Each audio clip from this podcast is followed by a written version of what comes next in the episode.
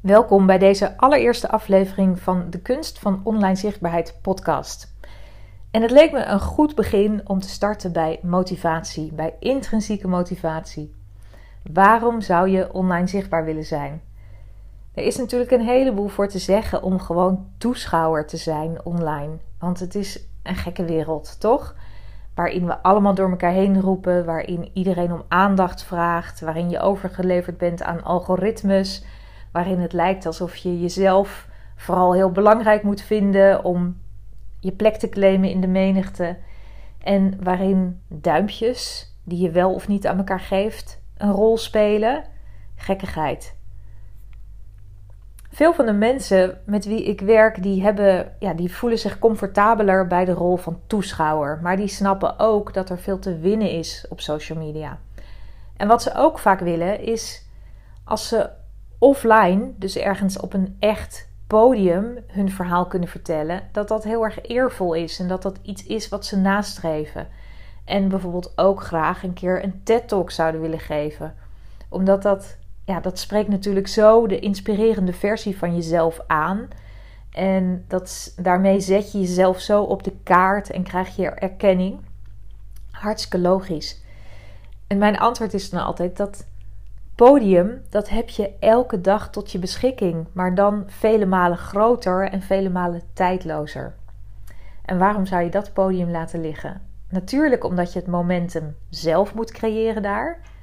Maar aan de andere kant, als je op zo'n, nou, laten we even zeggen, een, uh, een TEDx-podium staat, dan is dat ook een enorm spannend moment. Ik heb sprekers begeleid uh, met hun TED-talk om hun verhaal te, te maken, te oefenen, um, bij te slijpen, alles.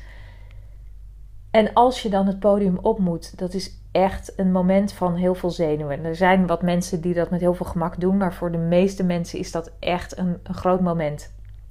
Voor mijzelf ook trouwens, dat soort dingen. Niet dat ik een TED-talk heb gegeven, maar als ik een keer een podium op moet, ik vind dat best wel ongemakkelijk. En als je online jouw verhalen deelt, dan kan je dat natuurlijk veel meer in jouw eigen toon doen, in je eigen format en zonder al die zenuwen. je maakt het in de intimiteit van je kantoor, van je huis, weet ik veel. Je bedenkt de verhalen als je op de fiets zit en door het bos rijdt.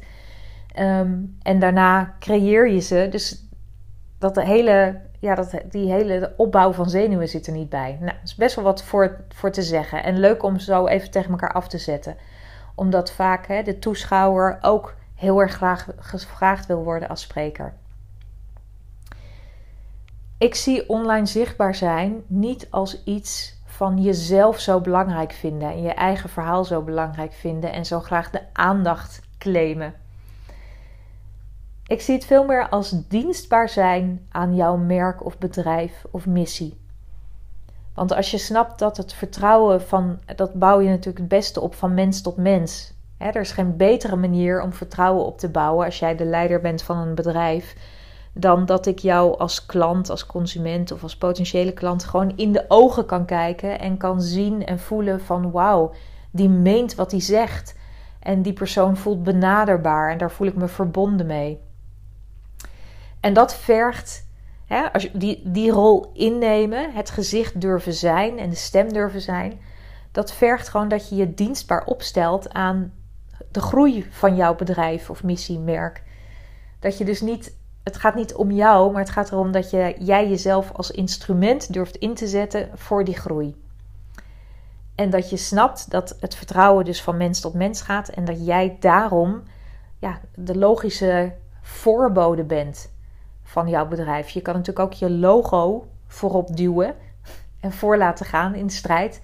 Maar daar ga je het vertrouwen echt niet mee winnen. Het ziet er misschien mooi uit en professioneel uit, maar ja, zeker nu, weet je wel, het contact van mens tot mens wordt, dat wordt steeds onderscheidender. En er zijn steeds meer manieren om je, ja, jezelf wat meer te laten zien. En dat is gewoon een, een prachtige, heel goed werkende manier om dat vertrouwen op te bouwen. Het betekent dus dat je initiatief durft te tonen. Want jij neemt het initiatief om waardevolle relaties op te bouwen, nog voordat je de mensen waarmee je die relatie dan opbouwt, allemaal op je netvlies hebt. Dat heeft natuurlijk gewoon te maken met die schaalbaarheid. En voor mij is online zichtbaarheid echt het totale overwinnen van afwachtendheid daarin. Dus niet wachten tot de telefoon gaat, tot mensen vanzelf bij je aankloppen, tot ze zelf snappen wat jij precies doet, dat zelf gaan onderzoeken. Ehm, maar jij neemt alle stappen in het creëren, in het scheppen van relaties. En dat doe je dus ja, op, een, op een super schaalbare manier. Had ik al gezegd, hè? ik denk dat ik het al vijf keer heb gezegd, dat schaalbare. Je snapt het. Maar dat is, dat is dus veel meer dan alleen maar online zichtbaar zijn. Dat is ook een, een soort houding, een houding die van binnenuit moet komen. Dat jij zegt, ik ga de hort op of ik treed naar buiten toe om de schepper te zijn van relaties waarin ik de toon kan zetten, waarin ik aan kan geven wat belangrijk is, waarin ik de goede mensen aan kan trekken die ook aangaan op dat wat ik te vertellen heb of de energie die ik uit, uitstraal. Ehm, dus daarmee ja, word je al een personage die mensen die dichtbij voelt voor mensen die jij nog niet kent. En dat heeft natuurlijk mega kracht en ook op, ook op persoonlijk vlak ontwikkel je daardoor. Daarbij word je ook elke keer als je een verhaal deelt, of dat nou geschreven is, of in een video of in een podcast, word je een betere verteller. Je wordt een betere communicator. En ik denk niet dat ik met heel veel woorden hoef uit te leggen dat dat op alle vlakken in je leven een vaardigheid is die enorm hulpvaardig is. communiceren is een kunst en helder en aantrekkelijk communiceren is een kunst. En als je dat vaak oefent, ehm, ja, dan, dan dat is echt een vaardigheid die je, die je opbouwt, waar je elke keer weer beter in wordt. En als je dat ziet en voelt, dan maakt het ook niet zoveel uit of het nou of LinkedIn nou belangrijk is, of Facebook, of op welk platform je dan ook zeg maar jezelf gaat laten zien. Maar dan gaat het er veel meer om dat je dat, hè, dat, je dat initiatiefrijke aangaat, dat bouwen van relaties aangaat. Uh, de betere verteller wordt elke keer en je dienstbaar durft op te stellen aan de groei van jouw bedrijf. En wat mij betreft gaat online zichtbaarheid echt daarom. Gaat het echt van binnenuit dat voelen, het belang daarvan voelen en de uitdaging voor jezelf daarin voelen om je daarin te ontwikkelen. En daarna komt pas die buitenkant van hè, waar moet dat dan staan? Hoe lang moeten die verhalen zijn? Waar moet het allemaal over gaan? Dat is het tweede. En als die motivatie, die intrinsieke motivatie sterk is, dan kun je ook meebewegen met trends of met um, ja, in, in type verhalen. Dat, dat is echt dat is een tweede, een tweede vraag. En als het niet zo sterk ontwikkeld is, dan zul je al heel snel afhaken. Want dan denk je, ja, het kost tijd, het kost energie, ehm, het kost kwetsbaarheid. Hè. Je moet je een beetje kwetsbaar durven op te stellen. Want als je alleen maar informatie gaat delen, ja, dat is natuurlijk niet zo heel inspirerend. Dus je wil ook wat vertellen over wie jij bent, wat er in jou omgaat, wat je raakt, zonder dat je je hele hebben en houden online hoeft te zetten. Dat, ik geloof daar helemaal niet in dat dat allemaal moet maar wel iets meer dan informatie delen. Dus het vergt ook een vorm van kwetsbaarheid.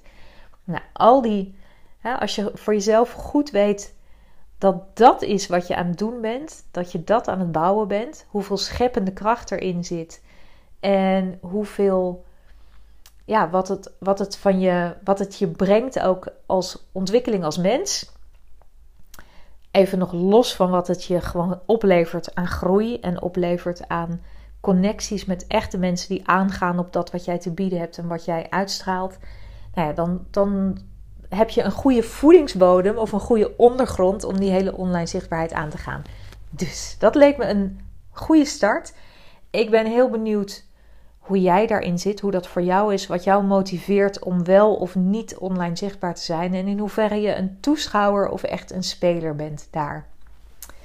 Tot zover deze eerste aflevering. Dankjewel voor het luisteren. Ik vind het heel erg, of ik waardeer het heel erg als je wil laten weten wat je ervan vindt. En dat kan via een berichtje op LinkedIn.